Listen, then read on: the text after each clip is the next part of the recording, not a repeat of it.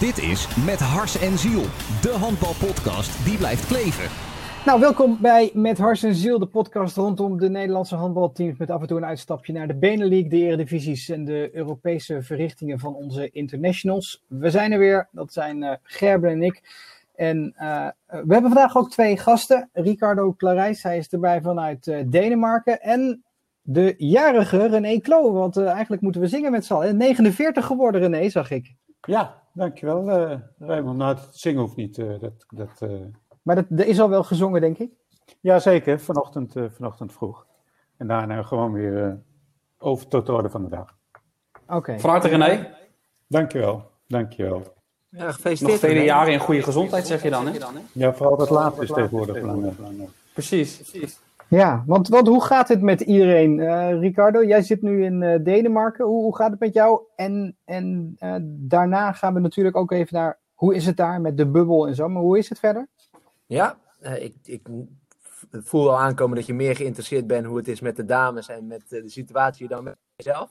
Maar... Nee, je moet, je moet jezelf niet onderschatten, Ricardo. Oké, okay, okay, nee, dan doe ik dat niet. Nee, met mij gaat het hartstikke goed. Kijk, het is voor mijzelf natuurlijk een hartstikke gave ervaring dat ik nu eventjes als vervanger van Katja uh, erbij mag zijn en mijn bijdrage mag uh, proberen te leveren. Uh, en nou, de situatie hier is hartstikke prima om te kunnen presteren hoor. Alles gaat goed. René, bij jou ook? Ja, hier gaat ook alles goed. De, de meeste spelers zijn natuurlijk in, in Denemarken inmiddels. De competities liggen stil en de meeste spelers hebben rust. Dus dat is prettig. En, uh, uh, maar dat geeft clubs ook wel weer ruimte om de, de transfercarousel uh, aan te slingen, om het zo maar even te noemen. En dat zie je nu ook gebeuren. Dus gelukkig ja. komen we wat dat betreft weer een beetje in de normale wereld, lijkt het. Ja, ja nou ja, dat, dat is inderdaad mooi dat dat er weer op gang komt. Want het heeft echt lang stilgelegen, hè? Ja, er is natuurlijk heel veel paniek geweest vanaf maart. En dat is richting de zomer is dat wel iets, toen de clubs het in de gaten hadden, hoe ze het moesten managen want zoals de Duitsers het noemen, iedereen zat in Neuland, kwam in Neuland terecht. Dus iedereen was zoekende. Uh, dat is nu wel wat meer onder controle. Alleen, het is natuurlijk nog wel heel vervelend dat de competities op en af gaan. Wel spelen, niet spelen, met publiek, zonder publiek, wel trainen, niet trainen. Maar goed, daar, kunnen we met z'n allen niet veel aan veranderen. Daar moeten we mee, mee leren omgaan. Ja, en, en, en Ricardo, hoe, hoe is dat voor jou? Want jij gaat natuurlijk, hè, je bent nu uh, in Denemarken, maar normaal gesproken zit je op Papendal, heel veel contact met de meiden, uh, met, met de handbalacademie. Is dat dan een wereld waarin je continu getest wordt, of valt dat wel weer mee?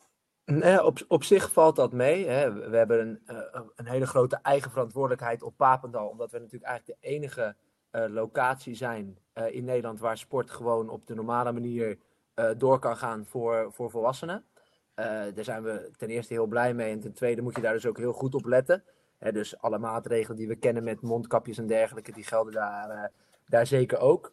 eigenlijk het enige wat we er echt van merken is dat we buiten de trainingen om minder mogelijkheden hebben voor analyses, sessies met een team en dergelijke. Omdat je wel wil proberen zo min mogelijk uh, met een grote groep uh, in een bepaalde ruimte te zitten voor een, voor een langere tijd. Dat is eigenlijk het enige waarin we het verschil op Papendal goed merken. Maar vervolgens ja, gaan jullie wel met z'n allen zeven uur in de bus naar Denemarken. Oh, maar nee, maar dat is met, uh, met het A-team. Raymond die vroeg, vroeg over de academie. Met het A-team daar zijn we nu al nou, zeker twee weken lang om de drie dagen aan het testen. dus daarvan weet je gewoon dat we allemaal er goed voor staan en ook ja, zo lang in de bus kunnen. Ja. En bij de academie is het dus zo dat er... Ik wilde zeggen, bij de academie is het dus zo dat er in principe niet getest wordt tenzij iemand klachten heeft. Exact, en we zijn daar wel heel streng op. Uh, zodra je ook maar beginnende klachten krijgt, hè, die normaal gesproken zouden kunnen duiden op een, op een verkoudheidje of iets dergelijks, word je wel direct in, in quarantaine gezet en wordt daar uh, uh, actie op ondernomen, zodat je niet per ongeluk te lang doortraint en daarmee het programma in, in gevaar kan brengen. Ja, hoe, hoe is dat voor jou, René? Want uh, normaal gesproken uh, ging jij uh, auto in, vliegtuig uit en et cetera. Um, heb je daar nog steeds. Maar nog iemand anders die in de podcast wil. Ja, dus, we hebben nog een beller. Is niet bij mij hoor. Nee, hij is ook niet bij mij. Ook niet Sorry, jongens. Sorry, Ja. sorry, sorry. sorry. Ja, Nog een keer, nee, eh, natuurlijk. Die telefoon ja. staat nooit stil. sorry. Nee, dit, dit is de telefoon van de spelersmakelaar die in dit geval afgaat. Maar hoe, hoe is dat voor jou, René? Want normaal gesproken, ik zei het al, je gaat eh, eh, vliegtuig in, auto uit, et cetera. Ehm, is dit dan ook voor jou een jaar dat je eigenlijk vooral eh, contact met speelsters hebt gehad ehm, via, via de digitale weg, via Zoom, via Teams, et cetera? Ja, dat, kijk, dat deden we normaal gesproken ook wel. Maar waar we nu heel veel last van hebben, is dat we vooral met de jonge spelers, eh, waar we veel mee op stage gingen, eh, dat kan nu niet. Hè, om het simpele feit dat je niet kunt reizen, maar ook omdat de buitenlandse clubs geen spelers of mensen van buitenaf toestaan. En dat maakt het heel erg vervelend. Hè? Normaal gesproken is dit een periode dat je met die jonge gasten op pad gaat om te kijken hoe gaat het in het buitenland aan toe, waar kan ik een contract afdwingen. En ook je wedstrijden bezoeken, hè, je contact opdoen. En dat, dat kan nu niet. En dat is wel heel erg vervelend. Maar ook, ook daar geldt weer voor. Eh, we moeten er zo goed en zo slim mogelijk mee omgaan. Ja, en hoe doe je dat? Door, door Nou, het allemaal gewoon online te doen. Ja, online iets meer telefonisch contact als normaal. En eh, alles wat je voorheen face-to-face doe je gelijk een videocall inplannen. En wat creatiever te zijn. En, eh, en vooral veel blijven communiceren met spelers. Dat ze geduld moeten hebben in deze situatie. Dat vinden zij natuurlijk heel moeilijk, want zij willen graag. Alleen, ja, dat, dat, dat, dat moet je goed begeleiden. Dus iets op de rem trappen, dat, willen, dat horen ze niet graag. Maar dat is denk ik wel de enige manier eh, wat ze nu even moeten doen. René, jij, jij spreekt uiteraard veel speelsters. eh, en ik neem aan dat je ook, eh, zoals eh, we je kennen, contact hebt bij alle clubs. In hoeverre eh, vinden zij dit EK nog een, een, een belemmering? Zijn zijn zij angstig dat speelsters terugkeren en wellicht in quarantaine moeten? Nou, clubs wel. Spelers kijken er vooral naar uit. Die blij, hè, er blijft toch een EK voor ze. Eh, natuurlijk niet in de, in de omgeving zoals ze graag zouden willen, met volle tribunes en alles erop en eraan. En clubs zijn wel heel erg voorzichtig. Ja, dat merk je al met het aanreizen. Hè. Wanneer ga je? Wat ga je dan doen? Hoe ziet het er dan uit? Maar daarin moet ik het NFV een groot compliment geven. Voor zover ik het heb kunnen ervaren, hebben ze heel nauw contact met de clubs gehad. Hebben ze zelf een heel strak draaiboek opgesteld van testen. Ehm, en is die communicatie met de clubs heel goed. En dat is wat clubs graag willen. Hè. Als, ze, als ze in het ongewisse blijven, dan vinden ze het eng. Als zij zien dat het daaromheen goed geregeld is vanuit het NHV en ook de EF. Nou ja, dan, dan, dan geven ze zich eraan over. Ik zag, eh, want wij, wij hebben natuurlijk bij het opnemen van die podcast hebben we eh, het beeld. Ik zag Ricardo een paar keer knikken toen je aan het woord was. Eh, ook bij de opmerking over de Nederlandse dames, dat die hongerig zijn. Is, is dat wat je ervaart, Ricardo? Is, is er, is er eh, gezonde spanning richting het toernooi? Zijn ze hongerig? Ja, nou kijk, eh, wat, ik, wat ik al zei, eh, oktober en nu voor het eerst bij, bij deze groep. Dus ik kan natuurlijk niet vanuit het eh, spreken. Maar wat je, hoe we ze allemaal van buitenaf kennen, is dat het natuurlijk gewoon een hele enthousiaste groep is die er altijd 100% van geniet, maar ook voor gaat. Eh, dat hè, nu erbij betrokken ben, zie je dat ook echt terug. Je, je ziet gewoon dat ze, dat ze, er, er klaar voor zijn. Eh, en weten dat ze wereld. Iedereen dat weet en iedereen er vol voor wil gaan. tegen. Eh, en dat ze, dat ze er klaar aan te gaan. Dat, dat, dat merk je wel in alles. Ja, ja. Hey, even even de, het eh, stapje maken hè, naar de dames. Want gistermorgen waren jullie nog op Papendal. Is er nog getraind. Ehm, en daarna de bus in. Hoe is het verder gegaan? Eh, hebben jullie een goede reis gehad? Ja, nee, kijk, in principe is natuurlijk eh Colding is redelijk goed aan te, te reizen. Hè, beter dan, eh, dan Noorwegen. Hè. We zijn in plaats van vliegtuig bus gegaan. Jij, jij vroeg daar net om, Gerben, je zit dan zeven uur met elkaar in de bus. Wij zijn goed getest. En dat is volgens mij veel prettiger dan op een vliegveld allerlei mensen tegenkomen die, die dat niet hebben. Ja. Eh, dus dus dat, dat was sowieso heel, heel prettig. Eh, en ja, eh, met één tussenstop zijn wij eigenlijk zo naar Denemarken gereden. We zijn één keer aangehouden papieren te laten zien dat we allemaal een negatieve test hadden. We gaan even naar de René. Want een onderwerp wat we nog sowieso hebben staan is ook de, de, de Nederlandse ploeg. Jij bent spelersmakelaar. En ehm, eh, vorige week, volgens mij, misschien is het al wel ietsje langer geleden, kwam het nieuws naar buiten over de transfer van Bo van Wetering. eh, ook een oud pupil van eh, Ricardo trouwens bij VOC. eh, naar Odense. Ehm, vertel eens, hoe is dat gegaan? Nou, de, ehm, ik heb met Bo, toen zij nog bij VOC zat, heb ik een, een, een, plan gemaakt. Dat doe ik eigenlijk met alle spelers. Een, een soort vier, vijf jaren plan van waar staan we nu en waar willen we graag naartoe. En toen ehm, hadden we als stip op de horizon een ploeg in de Champions League. En, uh, maar het leek ons verstandig dat zij eerst via de Bundesliga gingen ervaren hoe het er in het buitenland aan toe gaat. Om eens te kijken hoe snel ze kon aanhaken. Nou, dat heeft ze via Metzingen natuurlijk hartstikke snel gedaan. Uh, dan moeten we ook niet vergeten dat het afgelopen seizoen eigenlijk maar een half jaar is geweest. Hè? Want in uh, half maart was de competitie al voorbij. Ze hebben natuurlijk in, bij het Nederlands team enorm grote stappen gemaakt. Dat heeft ze echt heel goed gedaan. En ik ben sinds de zomer in gesprek met de nieuwe coach van, van Odense over haar. dat is de Ulrik, is de trainer die ook bij de nationale ploeg van Japan zit. Ja. Daar heb ik al een paar jaar contact mee. En toen hij zijn transfer bekend maakte dat hij de nieuwe trainer van Odense zou worden, heb ik met hem uh, mijn spelers doorgesproken. En spelers die er nu staan en spelers waarvan ik denk dat die over een paar jaar uh, de grote namen gaan zijn. En uh, daar was Bode één van. En ik heb hem toen een tip gegeven, dit is een groeibriljant. Hou er vooral in de gaten. Dus dat project loopt van mijn kant loopt al een paar maanden. Ik heb Bo er uiteraard wat later in betrokken, omdat ik niet vind dat je spelers moet belasten met iets wat nog helemaal niet concreet is. En de laatste weken is, laatste weken is dat in een stem, stroomversnelling gegaan.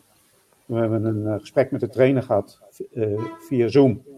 En hebben we over elkaars doelstellingen gesproken. En de weg waar, waar de club naartoe wil, de weg die we met Bo voor ogen hebben. En nou, dat was een goede match. En, en dat is eigenlijk heel snel gegaan.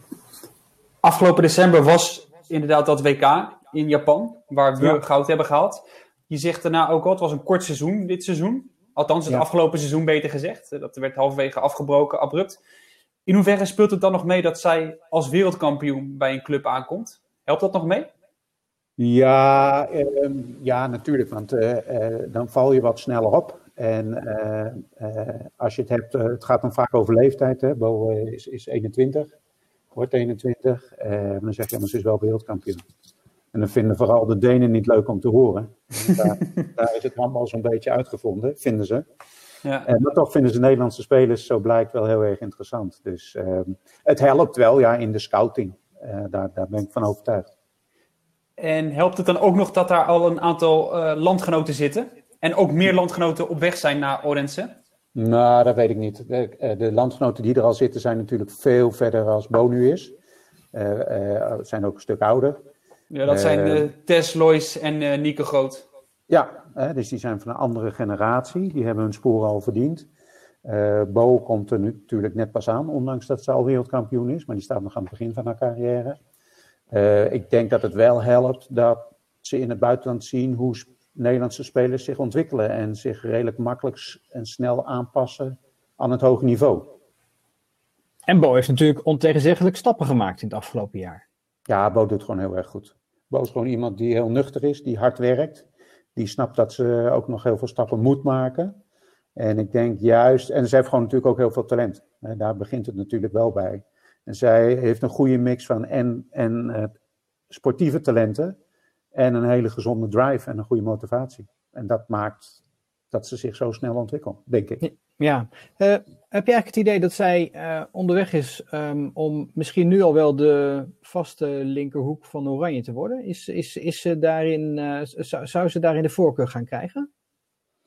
Dat zou me niet verbazen, om eerlijk te zijn. Nou, wel Manu natuurlijk wel een coach is die veel wisselt. als je kijkt hoe hij de match uh, coach, dan wisselen zijn hoekspelers om het kwartier zo'n beetje. Dus die, maar, die spelen 50-50. Ik denk ook in het moderne handbal dat het heel goed is, dat het heel gezond is. Zodat je 60 minuten hoog tempo kunt blijven spelen. En dat is natuurlijk zowel de kracht van Bo als van Martine. Uh, ja, de andere spelers op de linker. Martine Smeets, ja. Ja, uh, maar Bo, Bo, doet het wel goed. Dus het zou me niet verbazen als zij uh, misschien wel gaandeweg het toernooi uh, in de startopstelling zou, zou kunnen beginnen. Ja. In hoeverre is het dan ook nog, je hebt eigenlijk nu bijna twee kampen, hè? want zoals gezegd, er spelen drie landgenoten bij Odense. Nieke Groot gaat dan aan het einde van het seizoen stoppen. Hou je Lois Abbing en Tess Wester over. Naast Bo komen ook uh, Dionne Housier en uh, Kelly Vollebrecht richting Denemarken, richting Odense. Ja. En dan heb je daarnaast ook nog een uh, oranje kamp in Dortmund. Is dat eigenlijk prettig? Ja, ehm, voor de Nederlandse spelers wel. Zo wordt er natuurlijk niet gescout door de clubs, hè, met, met dat in het achterhoofd. Voor de Nederlandse spelers is het wel prettig om naar een club te gaan waar meer Nederlanders zitten. Uh, en het helpt denk ik voor het nationale team ook wel. Als je nu kijkt naar het middenblok uh, in de dekking, daar staan uh, waarschijnlijk Kelly, Dulve en Merel Freriks. Nou, die spelen natuurlijk ook in de Duitse Bundesliga en op Champions League niveau naast elkaar. Precies, dus kan dat dan bij... juist in deze periode nog van doorslaggevend belang zijn? Omdat er dus maar zo weinig tijd is, ook in aanloop. Ik geloof dat er twaalf dagen waren van het moment van melden op Papendal tot de eerste wedstrijd. Kan dat ja, Nederland dan nog helpen? Ik denk dat het heel prettig is dat uh, Kelly en Merel in dit geval dan van elkaar weten wat ze wel en wat ze niet kunnen en waar ze elkaar hulp nodig hebben. En ik denk dat, ze dat als ze dat kunnen fine-tunen binnen het concept van de, van de trainer van de nationale ploeg, dat het alleen maar helpt. Ja, absoluut. En als je kijkt naar de andere kant, uh, de, de, de positie van uh, de rechterhoeken, Angela en Debbie. Ja. Um, worden daar keuzes gemaakt, denk je? Nee, ik denk dat die, dat die allebei gaan spelen. Uh, Angela Malenstein is natuurlijk wel in topvorm op het ogenblik. Ja. Die, die schiet wekelijks op Champions League, uh, schiet die 6, 7, 8 doelpunten erin. Um, De Debbie is uh, op haar manier heel erg stabiel bij Mets. Die, die speelt om en om, samen met Eili. doet het ook heel erg goed. En het zijn twee totaal verschillende spelers. Dus ik denk ook dat Manu ze alle twee hard, hard nodig zal hebben. En ze hebben allebei toernooiervaring. Dus ik denk dat het alleen maar een hele fijne bezetting is met hun twee. Zou Manu geen voorkeur hebben? Want Debbie is natuurlijk speelster van de club bij Mets. Nee, ik denk dat hij kijkt wat, wat heeft het team nodig in welke wedstrijd. Uh, uh, Angela Malenstein kan een wedstrijd op haar manier openbreken. Uh, ik vind Debbie in de dekking iets sterker. Ik denk niet dat hij echt kijkt, hey, Debbie speelt bij mij bij Mets, ik ken haar door en door. ik geef haar de voorkeur. Dus zo schat ik hem niet in. Nee, nee.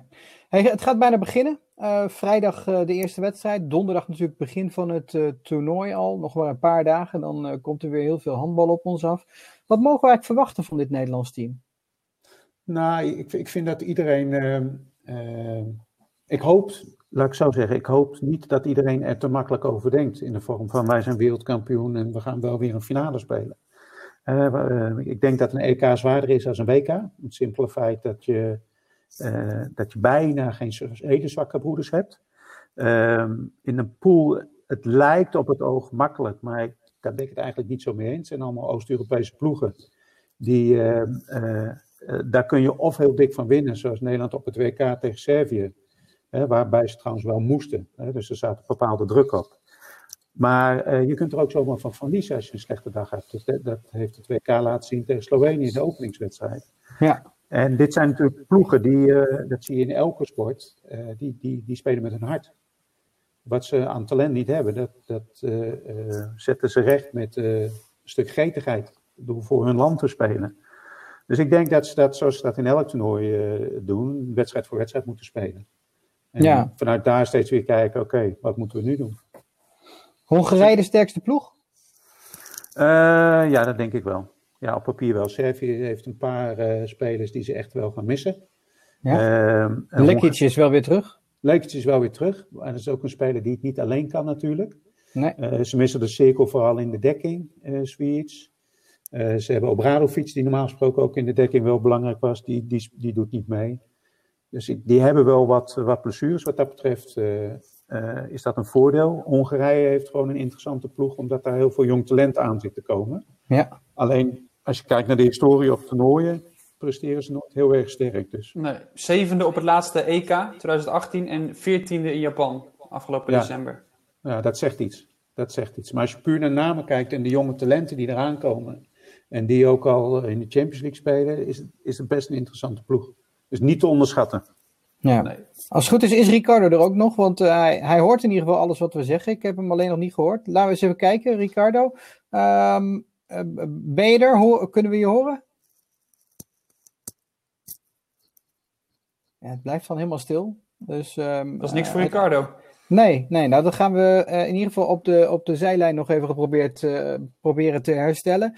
Ehm, ja, dan toch maar even door. Hè? Van waar, waar, waar, waar zitten dan de valkuilen voor Oranje in deze eerste ronde? Is, is de valkuil dan onderschatting?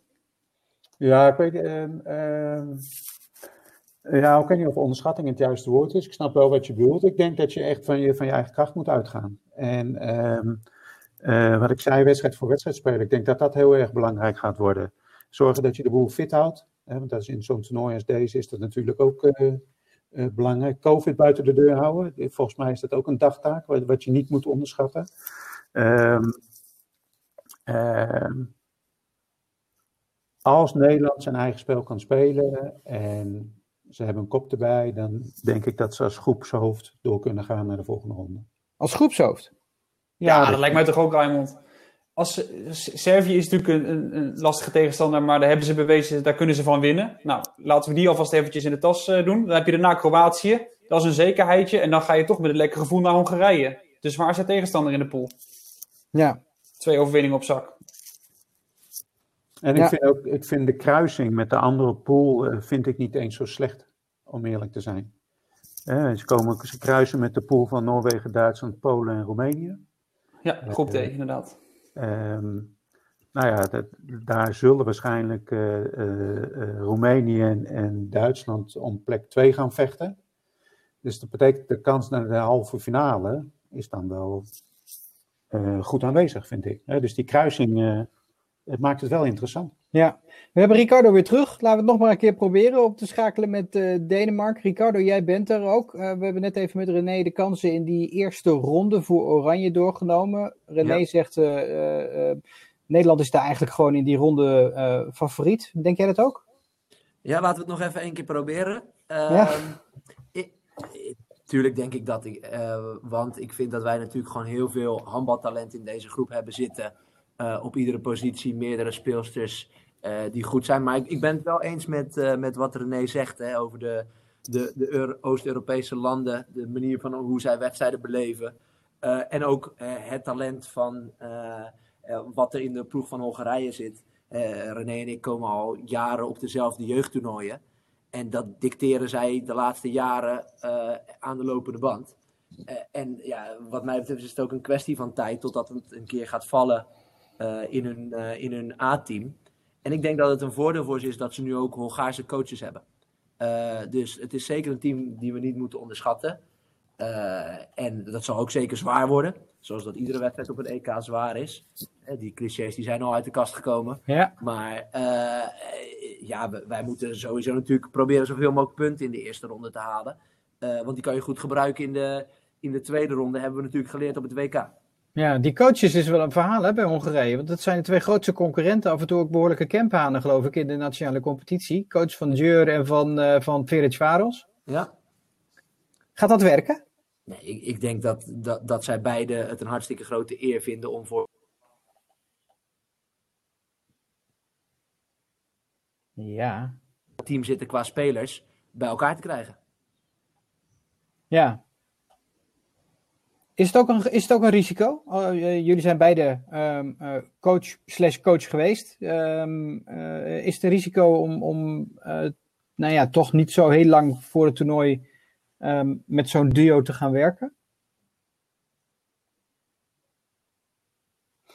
Nou, ik denk dat het, ik denk dat, dat meevalt. ze zijn beide trainer van een top, topteam, ja. Champions League. En ik denk, wat Ricardo zegt, in dat soort landen is het echt een enorme grote eer om voor je nationale ploeg te mogen werken. En ik kan me ook voorstellen dat zij in de maanden hiervoor, vanaf het moment dat bekend was dat ze samen gingen werken, al regelmatig contact met elkaar hebben. Dus uh, ja. ja. dat denk ik ook. Dus uh, ik, zie het, ik zie dat niet als gevaar. Nee, kijk, en, en de, de sfeer op dit soort toernooien is natuurlijk dat je, uh, dat je allemaal wil winnen. Maar al deze uh, speelsters onderling kennen elkaar uit de internationale competitie, spelen misschien met clubs bij elkaar. En dus, dus die haat en nijd uh, die er op het veld is en die er ook tussen die twee topteams uit Hongarije is, die is er binnen de lijnen wel. Maar niet als je samen voor je land mag spelen of als je samen elkaar tegenkomt buiten het veld hoor. Dat is, dat is niet zo. We hebben het nu over die Hongaarse coaches. Twee, twee campanen, zoals Raymond Koning ze noemt. Maar Ricardo, hoe is dat eigenlijk voor jou? Want jij bent nu assistent bondscoach bij de Nederlandse ploeg. Uh, hoe moet ik dit zien? Is, is dit een, een stage? Uh, is het iets uh, wat jou nu gegund wordt? Leg eens uit. Ik, ik hoop dat ik hier zit omdat ik uh, de beste kandidaat was om voor een bepaalde tijd Katja te vervangen tijdens haar zwangerschapsverlof. Ik hoop niet dat het is omdat het me gegund wordt omdat ik zo'n fijne kerel ben. En volgens mij werkt het op sport ook niet zo. Nou, nou, niet zozeer omdat je een fijne kerel bent, maar ook omdat je gewoon hebt bewezen nou, je hebt goed, je hebt je laten zien binnen de academie. En dat ze dan denken, het is toch mooi om ook, vind ik persoonlijk, maar dat is mijn, mijn mening. En misschien uh, niet door jullie allemaal gedeeld, maar een land dat het gewoon, de coach heeft ook afkomstig uit dat land. Ja, maar ik denk dat uiteindelijk uh, de beste coach uh, voor dat land er moet staan. Nou, Manu heeft laten zien dat hij als Fransman op het WK de beste coach van ons land was. Want Zeker. anders waren we geen wereldkampioen geworden. Uh, dus, dus nee, ik, ik, ik vind uiteindelijk dat de beste coach dat moet zijn, of dat nu een Nederlander of een buitenlander is. Ik denk wel dat het bij kan dragen uh, dat er wat Nederlanders omheen zitten. Uh, in alle, nou, wat, hoe zeg je dat, in, in de hulp van hoe wij het spel beleven, wat onze handbalvisie is, hoe onze speelsters daarin reageren. Maar ook dat heeft Manu hartstikke goed door. Hoe ziet jullie samenwerking er eigenlijk uit, Ricardo? Is er een, is er een rolverdeling? Zijn er afspraken? Ja, natuurlijk zijn er afspraken, al is het maar om mij op, op een hele korte termijn, hè, eigenlijk in de stage van september en nu uh, in te werken in deze rol, uh, hebben we gewoon een duidelijke taakverdeling. Hey, ik, ik mag wat onderdelen van de training mag ik, begeleiden en, en we stemmen heel veel samen af in de wedstrijdvoorbereidingen en in de, in de trainingsvoorbereidingen. maar verder is natuurlijk Manu degene die de uiteindelijke keuzes maakt en en daar vraagt hij mijn mening dan over. En ik heb het idee uh, dat ik hem af en toe daarin kan helpen. Maar ik heb ook het idee dat hij heel goed begrijpt wat dit team nodig heeft. Ja, maar er komen straks natuurlijk ook wedstrijden aan. Uh, wedstrijden met uh, time-outs, et cetera. Um, wordt er daar ook een afspraak over gemaakt? Hoe je daarom nou, gaat? Nou, nee, we, we, hebben wel onze rol allebei. Maar ik ben veel meer voor individuele zaken. Hè, die we in het, in het coachplan, in het wedstrijdplan van tevoren doorspreken. Dus het is niet zo dat ik snel het woord zal nemen richting de gehele groep in de time-out. Zoals we vanuit het verleden kennen, dat een van de twee coaches bijvoorbeeld de aanval doet en de ander de dekking. En wij hebben een, een andere uh, manier van samenwerken. Dus bij jou zo meer als een speelster het veld uitkomt en even naast jou komt zitten, dat je dan nog wat specifieke zaken doorneemt? Ja, nou, hey, het is lastig om in algemeenheden dat uit te leggen. Maar je kan je voorstellen dat als we straks tegen Servië spelen, hebben die een aantal belangrijke speelsters. Daar hebben wij een aantal wapens tegenover staan, zowel in de aanval als in de dekking. Met een plan. En, en op sommige momenten, dat kan in een time-out zijn, dat kan tijdens het wisselen zijn, maar ook in het coachen. Kun je de spelers daar nog proberen in wat te helpen en wat, wat handvaten te geven. Uh, uh, waar Manu dan uh, ook nog meer kan reageren op het totaal in die wedstrijd. Ja. Hoe zien de komende dagen eruit voor jullie? trainen, videomeetings, goed rusten en zorgen dat we voorbereid zijn voor vrijdag natuurlijk. Testen? Ja. Jazeker. we hebben gisteren bij aankomst hier getest en voor iedere wedstrijddag, dus in dit geval donderdag, test je nog een keer. zodat iedereen netjes negatief het veld in kan. Ja. Hey, we hebben natuurlijk een ander Nederlands team nu. Uh, geen uh, Estefana Polman, ook geen uh, Delilah Amega uitgevallen. Beide met langdurige blessures, kruisbanden, toch al zo'n gevreesde handbalblessure. Ja. Um, maar, maar, eigenlijk gebeurt het door heel Europa. Hè? Er zijn veel meer blessures eigenlijk voor mijn gevoel. Heb, je, heb je ja. dat ook? Ja, niet alleen voor je gevoel ik denk dat als we het zouden gaan tellen, dat het ook echt zo is, relatief gezien ten opzichte van andere jaren. Ja, is dat dan een, een direct corona-gevolg? Dat denk ik wel. Ik denk dat het deels komt. Hè, al deze speelsters hebben nog nooit zo lang niet de bal aangeraakt. Hè, en, en, je kunt je op afstand natuurlijk wel fit houden, fysiek gezien, maar niet in de handbalbelasting, niet in de duelkracht, niet in de verschillende dingen die je moet combineren met wenden, keren, versnellen, springen, landen, dat soort zaken. Uh, ja, dus ik weet zeker, of ik, ik denk zeker te weten, dat daar, dat daar wel een, een, een uh, relatie in zit. Ja, merk je dan ook dat spelers daar anders mee omgaan? Even kijken, wat, wat vroeg je, Rijmond? Nou, merk je ook dat spelers daar op een andere manier mee omgaan? Dat, dat, dat er bijvoorbeeld in de training misschien wel af en toe uh, met, met de rem gespeeld wordt of zo? Nee, dat geloof, dat geloof ik niet. Want als je, en je doet handbal omdat je het leuk vindt, Eh, en dat doe je met, met hart en ziel. Zeker als je. Hars en eh, ziel. sorry, je hebt helemaal gelijk. En zeker als je dat voor het nationaal team mag doen. En we trainen hier natuurlijk met een plan. Eh, en in dat plan zit ook een bepaalde intensiteit van de training. Eh, en op die in- die intensiteit wordt ook gewoon getraind. Er is niemand die zichzelf spaart. Dat kan ook niet als je richting een, eh, een EK werkt. Ja. ja, René, jij maakt het natuurlijk ook mee. eh, spelers die eh, eh, met blessures kampen of gekampt hebben. Ehm, is, is het onderwerp van gesprek bij spelers, die blessuregolf? Ehm, ja, je merkt het natuurlijk wel, hè, een aantal die met kruisband of, of, of eh, spierblessures uitvallen. Ja, Je ziet het sportbreed wel, hè? Het valt me bij het voetbal valt het me ook op.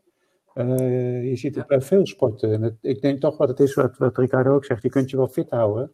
Maar tussen wedstrijdfit of liga-fit, daar zit een heel groot verschil in. Ja. En het is niet, zo- ik heb niet het idee dat spelers met angst rondlopen. Ehm, maar ja, je, je, je houdt wel elke week in de gaten of er weer ergens niet iets gebeurt. Dat is wel zo, ja. Ja, ja nou ja, ik, ik kan me voorstellen dat je dan, eh, dan eh, toch ook gewoon vanuit je professie daarnaar kijkt. Denk je, hey, eh, er moet niet te veel gebeuren, want dan houden we geen topspelers meer over in de aanloop naar zo'n WK of EK. Ja, eh, kijk voor ons, wij missen natuurlijk Delilah en Estefana heel erg. Eh, maar ja, aan de andere kant heb je ook weer nieuwe speelsters die dan op kunnen staan. Ja, Eh, en en we, we spraken net over Bo. Maar zo hebben we natuurlijk nog meer toptalent in deze groep rondlopen. Die dan hun rol misschien wel moeten pakken. En ja, misschien is dat voor, voor hun en voor hun ontwikkeling. En voor misschien wel het nationaal team op lange termijn. juist wel goed. Ja. Eh, ik, ik, ik eh, pak hem gelijk even als een bruggetje, Ricardo. Is dit dan eh, voor de middenopbouwpositie het toernooi van Larissa? Nou, laten we hopen dat het onder andere het toernooi van Larissa wordt. Larissa, Jessie Kramer, Inge Smit zijn natuurlijk allemaal kandidaten om daar te, gaan, te gaan spelen. Eh, en wie weet eh, wordt er nog wel eh, iets bijzonders uit de, uit de hoge hoed getoverd op die positie. Oh, maar ja, er zijn mogelijkheden op die positie nu Delilah en Estefana er niet, Ja. niet zijn. Ja, die moeten gepakt worden. Ook Harmer van Krijk kan daar spelen natuurlijk. Z- Zeker, Ja. zeker. Maar ook Kelly en Lois zullen daar op bepaalde momenten kunnen spelen. Hè. Wij hebben allemaal heel gevarieerd opgeleide opbouwspeelsters. die, die op meerdere posities inzetbaar zijn. Hè. Ik weet niet of jullie Jessie vorig jaar nog herinneren tegen Noorwegen op de rechteropbouw. Ja, dat was echt wel eh, erg belangrijk ook in, in de eindfase. Eh, en, en zo kunnen eigenlijk al onze opbouwspeelsters op meerdere posities uit de voeten. Ja, eigenlijk staan we er dan goed voor hè? Met, eh, met, met, het Nederlandse dameshandbal. Zometeen wil ik nog even heel kort naar de Nederlandse mannen. Maar met dameshandbal staan we er dus gewoon goed voor. We zijn wereldkampioen. We gaan met een selectie vol met mogelijkheden naar het Europees kampioenschap. Geen, geen reden voor wanhoop.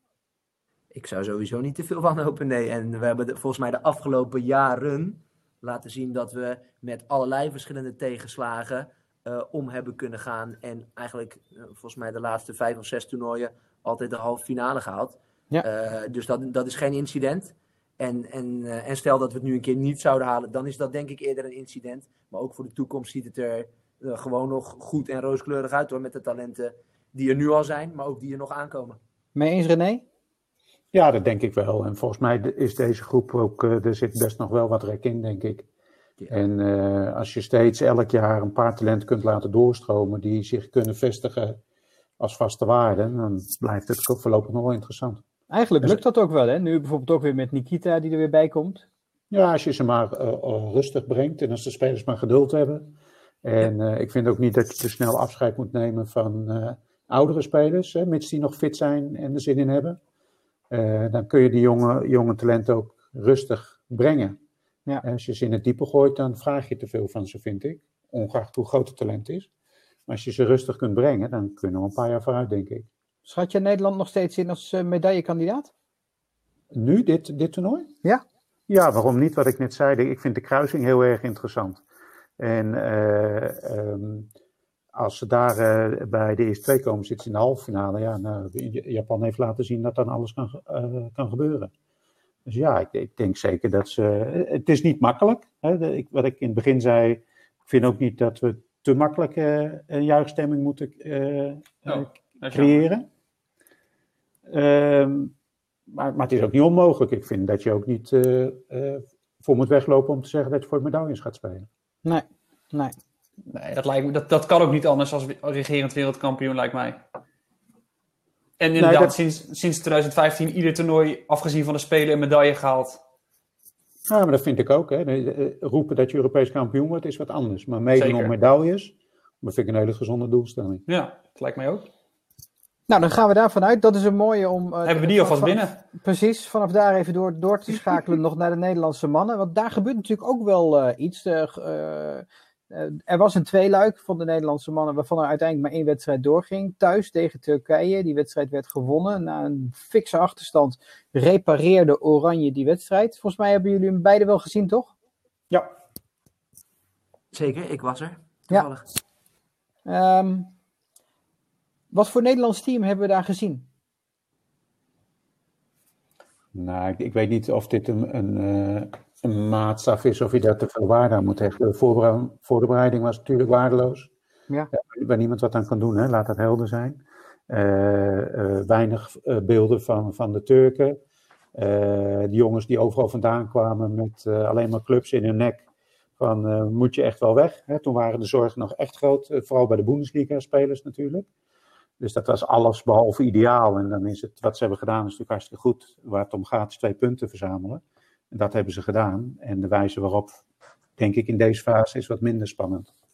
En die groep heeft gewoon talent. En het is een beetje jammer dat, dat wat jongens geblesseerd zijn.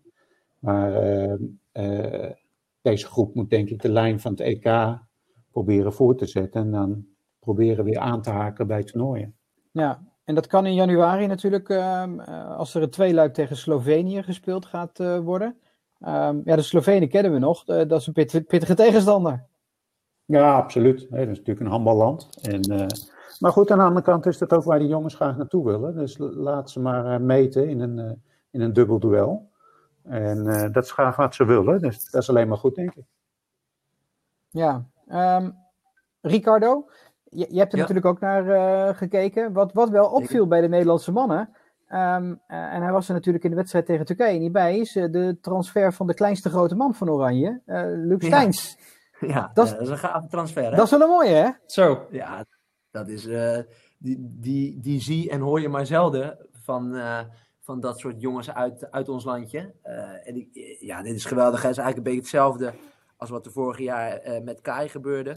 Hè, dat je naar zo'n uh, zo'n topteam mag, ook al is dat maar voor een bepaalde periode. Dat, dat geeft een boost aan, aan de jongens zelf. Maar ik denk ook aan ieder uh, jongens talentje wat nu op handbal zit. Uh, dat dat soort dromen gewoon mogelijk zijn. Ja, want is dit dan de echte doorbraak voor ook de Nederlandse mannen? Zo'n grote nou, club? Ja, wat ik zei, we hebben in het verleden natuurlijk met, met Fabian van Olven, Gerry Eilers, natuurlijk ook gasten gehad die echt op topniveau meegedraaid hebben. Ja. En eh, Kai, eh, die natuurlijk eh, internationaal gezien ook echt wel als een topspeelster gezien mag, uh, mag worden. maar al die kleine beetjes zullen, zullen uiteindelijk helpen om op lange termijn ja, ook het herenhandbal naar dat niveau te krijgen. En ik ben het helemaal eens met, met René. En ze, ze willen naar dat niveau. Dus dat soort uh, uitdagingen aangaan, dat vinden ze ook alleen maar interessant. En ik heb het gevoel dat ze ook steeds dichterbij komen. Hoe heb jij naar die uh, transfer gekeken, René? Van Luc? Ja. Ja, fantastisch natuurlijk. Hè. Dat, dat is ook voor, voor, voor, voor, ons die aan de zijkant staan, is het natuurlijk hartstikke mooi. Voor het Nederlands handbal alleen maar hartstikke mooi. En voor hem zelf natuurlijk in het bijzonder. En ik vind het ook knap van Paris Saint-Germain dat ze dat aandurven. Ja. Uh, dat betekent toch gewoon dat hij dat die goede scores laat zien in de Franse Liga. Waarom is het knap dat ze dat aandurven? Nou ja, kijk, zij hebben natuurlijk een ploeg van jongens die allemaal twee meter zijn en, en uh, over de 100 kilo wegen. Ja. En waar een enorm hoge druk op staat. Um, uh, en als ze dan een kleine, maar hele vaardige, snelle middelbouwer halen en die tussen die al die grote jongens durven te zeggen, nou, ik vind dat wel een, een vorm van moed hebben van zo'n club. En, en uh, verdedigend, uh, normaal gesproken zoeken ze ook spelers die of in het middenblok kunnen verdedigen of op twee. Nou, dat, dat, kan natuurlijk niet door zijn lengte. Uh, of je moet hem anders gebruiken. Dus de, ze nemen geen risico in, want dat weten ze. Maar goed, dat beperkt ze wel, zeg maar. Dus ik, ik vind dat wel moedig. Maar goed, dat is, dat is alleen maar een compliment voor Luc. Dat hij is op die manier al jarenlang in de Franse Liga overtuigd. Ja, zitten er bij de Nederlandse mannen nog meer uh, spelers die zo'n stap zouden kunnen maken? Nou, dit is wel, uh, dit is, uh, dit is wel een enorm grote stap hoor. Um, wat Ricardo al zei, Kai zit er natuurlijk aan te komen. Die ontwikkelt, uh, ontwikkelt zich goed. Die gaat binnenkort ook nog wel een grote stap maken. Um, maar je moet je niet vergissen, de mannen, mannen, het mannenhandbal is heel, heel anders dan het vrouwenhandbal. Dat is niet met elkaar te vergelijken. Die markt is veel groter. Uh, wij als Nederlandse dameshandbalsters zijn vooral technisch heel goed geschoold. En daar kunnen we het grote verschil maken, niet, niet qua lengte. Um, en dat is bij het mannenhandbal wel heel erg belangrijk. En, en, en dat is gewoon meters maken in het, in het. En, en de markt is veel groter, er is veel meer aanbod. Ja. Wel een uitdaging trouwens, zie ik nu, want hij zit ook straks bij Christo Pans, die led van 2,14 meter. Dat gaat niet makkelijk zijn tijdens een teamfoto. Er moet nog heel wat uh, geschoven worden. Maar, maar dan mag iemand zitten, Gerben. Oh, die gaat zitten, oké. Okay, okay. Dan gaat Christen Pans, oh, die kan het natuurlijk ook gewoon voorliggen, denk ik. Ja, nee, dat is prima. nee, maar het is natuurlijk wel gewoon een jongensboek. Ik bedoel, we doen er allemaal luchtig over. Maar volgens mij is het voor inderdaad wat Ricardo ook zegt. Als, als je nu een jonge handballer bent op de academie en je ziet die transfer. Ja, dan denk je waarom niet? Ja, geweldig. Dat is echt een boost. Dat geloof ik in. Is, zou dat ook een boost zijn voor de, voor de mannen die nu nog in Nederland spelen? Ik, ik denk het wel. ik, volgens mij hoorde ik René dat ook zeggen. Op een gegeven moment gaat het buitenland ook geloven in Nederlands opgeleide speelsters. En dat, ja, dat kan bij mannen ook zomaar gebeuren. Hè? Uh, ja. Kai die het goed doet, Luc die het goed doet. En waarom zouden we het dan niet eens proberen uh, met nog een van die andere talenten die nu in de Benelux uh, goede cijfers laat zien? Ja, Luc gaat voor een half jaar. Zou er meer in zitten dan een half jaar? Of zouden ze na een half jaar zeggen bedankt en tot ziens opnieuw naar uh, Phoenix Toulouse? Nou, ik denk dat, dat het valt in staat met hoe Karabatis terugkomt natuurlijk. Maar aan de andere kant, uh, hij kan het ook zo zien van ik heb een half jaar de tijd om het te bewijzen. Ja. En uh, het is natuurlijk ook wel een jongen die niet alleen in de wedstrijden hard, hard werkt en prestaties levert, maar ook daarbuiten. En als coaches dat gaan zien, nou ja, waarom zullen we dan niet langer contract aanbieden? Precies. Ja. Nog even terug naar de dames. Zo, ter besluit. Um, want um, we zitten nu een paar dagen voor uh, het toernooi begint. Vrijdag de eerste wedstrijd van Nederland tegen, tegen Servië. Um, even, even een rondje maken. Uh, wat, zijn, wat zijn jullie verwachtingen voor die specifieke wedstrijd? Wat, wat wordt het voor wedstrijd? En uh, nou, doe eens, een, doe eens een gokje voor de uitslag. Begin ik bij Ricardo. Ja, moeilijke vraag natuurlijk. Hè. Kijk, een, een eerste wedstrijd van een toernooi. Dan ga ik eventjes allerlei tegeltjes, wijsheden die Gerben normaal uh, in Oké, okay. oh ja, dat was het toch. Ja, nee, maar de, de, de cliché Ricardo, 100. Ricardo ja, ja, wil mij nog eventjes terugpakken voor, uh, voor afgelopen dinsdag. Helemaal niet, Gerben. Jij mag straks eventjes vertellen wat jij ervan denkt. Oké. Dan zullen we zien of je echt zo'n kenner bent. Maar... Ja, nou dat lijkt me wel. Ik zal vast ja. het notitieblok erbij pakken als ik, uh, als ik jou was. Heel goed. Nee, maar zo'n zo eerste wedstrijd is toch altijd even aftasten. Uh, iedereen uh, uh, ja, moet toch weer eventjes op elkaar ingespeeld raken in zo'n nieuwe vorm. Hè? En alles zal nieuw zijn met het beperkte publiek. en ook met tegenstanders die, die wat wisselingen hebben. Dus qua voorbereiden is het ook wat lastiger. maar ik denk, hè, maar dat is puur gebaseerd op wat ik van ons team nu, nu zie en van de voorbereiding zie dat wij die wedstrijd uiteindelijk met, met een doelpunt of 4-5 uh, verschil gaan winnen. Ja. Nou, uh, gelijk dan maar naar Gerben. Ja, ja, kijk, ik heb nooit uh, gezegd dat ik een handbalkenner ben, maar ik baseer me gewoon op feiten en, en, en statistieken. We hebben de afgelopen uh, jaren hebben we drie keer tegen Servië gespeeld. Eén keer tijdens de hoofdfase van het EK 2016. Nou, toen wonnen we met 27-35. Toen tijdens het WK. Sorry? Vier keer gespeeld. Vier keer gespeeld. Toen we op het uh, WK 2017 in Duitsland speelden we gelijk. 27-27. En op het laatste WK was het ja, bijna een veegpartij met 36-23 winst. Ja. Uh, ik denk dat het een ruime overwinning gaat worden. Minimaal 8 goals verschil, winst Nederland. Zo. René? Ik ben... Heb je dat genoteerd, Ricardo Clarijs? Ik heb het genoteerd, Gerben Engelen. Oké, okay, heel goed. Zweertje, meneertje. Ik ben, ik ben wat voorzichtig. Hè? Ik denk dat het een, een, een, een wedstrijd met, uh, met uh, zenuwen gaat worden. Eerste, eerste wedstrijd, wat Ricardo zegt. Uh, bij de Serven geloven ze nog in, want iedereen staat op nul punten. Um, elkaar nog leren kennen, eerste wedstrijd. Ik hoop wel dat Nederland heeft geleerd van het WK, hè, waar ze natuurlijk struikelde over Slovenië in de eerste wedstrijd. Ja. Uh, plus drie is genoeg, denk ik. Ja, is zo'n eerste wedstrijd nog altijd lastig? Ik denk ook hoor dat de Nederlandse dames het gaan winnen. Dat het niet echt heel gemakkelijk gaat worden. Maar je maar... natuurlijk ook aan, ja. aan jou moeten vragen, Ruimond. Ja. Maar jij denkt ook winst. Ik denk ook winst, ja. ja. ja alleen al uit chauvinistisch uh, uh, oogpunt. Ik, ik, ik, denk dat de, dat de Serven ongetwijfeld wat, wat revanchegevoelens hebben. Daar hebben ze ook weer wat spelers terug die er vorig jaar natuurlijk niet bij waren. Krepes, Slezak, Lekic. Uh, dat zijn natuurlijk allemaal wel topspelers. Wel spelers die al uh, uh, nou ja, richting het midden van de 30 gaan. 32, 33 jaar. Maar wel spelers die nog wekelijks ook op topniveau spelen. Um, het, het, het, zal minder makkelijk gaan dan vorig jaar. Maar ik heb er wel vertrouwen in. Ja, kleine kanttekening is nog. Jij had het al aan openingswedstrijden. René gaf dat net ook al aan. Van de, van de laatste toernooien vanaf het WK 2015 uh, heeft Nederland uh, vier van de zes openingswedstrijden verloren. Eigenlijk alleen op het WK van 2015 werd gewonnen van China. En op het EK 2018 werd gewonnen van Hongarije. Alle andere eerste wedstrijden op titeltoernooien gingen allemaal verloren. Zegt dat dan nog iets? Ja, ik, ik hecht niet zo aan, aan historie, moet ik zeggen. Dit is een andere ploeg. Uh, die zijn een paar toernooien verder. Uh, het, het, het, uh, de situatie is natuurlijk nu heel anders met de voorbereiding. Dus. Nou goed, dat kan ook natuurlijk iets zeggen, René. Doordat ze die wedstrijden destijds al hebben verloren en zijn gegroeid, nemen ze dat mee, zoals het dan zo populair heet. En gebeurt het wellicht nu niet? Ja, dat, dat, dat is wat ik net zei. Met, ik hoop dat ze geleerd hebben. En daarom is het goed dat Manu er vorig jaar ook bij was, of vorig jaar, in december. Uh, ze hebben met z'n allen die ervaring. Hè? Dus ik hoop ook dat ze met z'n allen die ervaring meenemen en omzetten naar een positief resultaat. Ik, Zo is het. Nou. Ik, ik kan jullie geen positief resultaat beloven, maar ik weet wel dat al deze meiden ervan doordrongen zijn dat er gewoon een goede start nodig is. Dus daar hoeven jullie geen zorgen om te maken, jongens. Nou, okay. nou dan gaan we rustig slapen vanavond. Dan doen we dat niet. Um, dat was hem, denk ik. De eerste aflevering van dit nieuwe seizoen, zo vlak voor het uh, EK van uh, Met Hars en Ziel. Nog een laatste stichtelijk woord van de gasten, of hebben jullie alles al wel gezegd? Ik heb alles gezegd. Ik wens Ricardo heel veel succes en vooral veel plezier. Ja, dat is Gen minstens zo belangrijk. Geniet ervan. Ja, nee, dankjewel uh, René. Ik ben blij dat de connectie uh, aan het einde ook een stuk beter was. En ik wens jou natuurlijk een hele fijne avond nog op je verjaardag, uh, René. Dankjewel. Ik ga snel aansluiten. Oh, nee, er is geen, geen visite natuurlijk.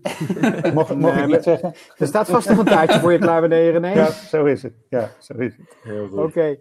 Dankjewel René Klo, Ricardo Carijs. Ricardo, uh, ook heel veel plezier. Groeten aan de meiden en we gaan ze allemaal uh, vrijdag zien op Ziggo Sport. Want uh, bij Ziggo Sport zenden we alle wedstrijden weer opnieuw uit van dit toernooi. Voor het zesde grote toernooi op rij na de WK 2015, 2017, 2019 en de vorige twee EK's. Nu ook weer dit Europees kampioenschap. Alle wedstrijden van de Nederlandse dames op de Nederlandse buis. Dat is mooi. Um, Gerben Emnille, jij bent er ook bij. Uh, Zeker. Het, tipje van de sluier, want jij bent de uitzending van vrijdag gaat voorbereiden. Wie zit er in de studio? Uh, aanstaande vrijdag schuift Estefana Polman aan. Niemand meer dan Estefana Polman. Ja, vanaf tien over acht kunnen de mensen intunen, zoals dat met een mooi Nederlands woord heet, op Ziggo Sport. Oké, okay, nou, mooi. Dan zijn we erbij. Dankjewel allemaal. Uh, en um, voor nu een fijne avond. Tot de volgende podcast. In ieder geval tot vrijdag uh, bij uh, het handbal op Ziggo Sport. Dit is Met Hars en Ziel. De handbalpodcast die blijft kleven.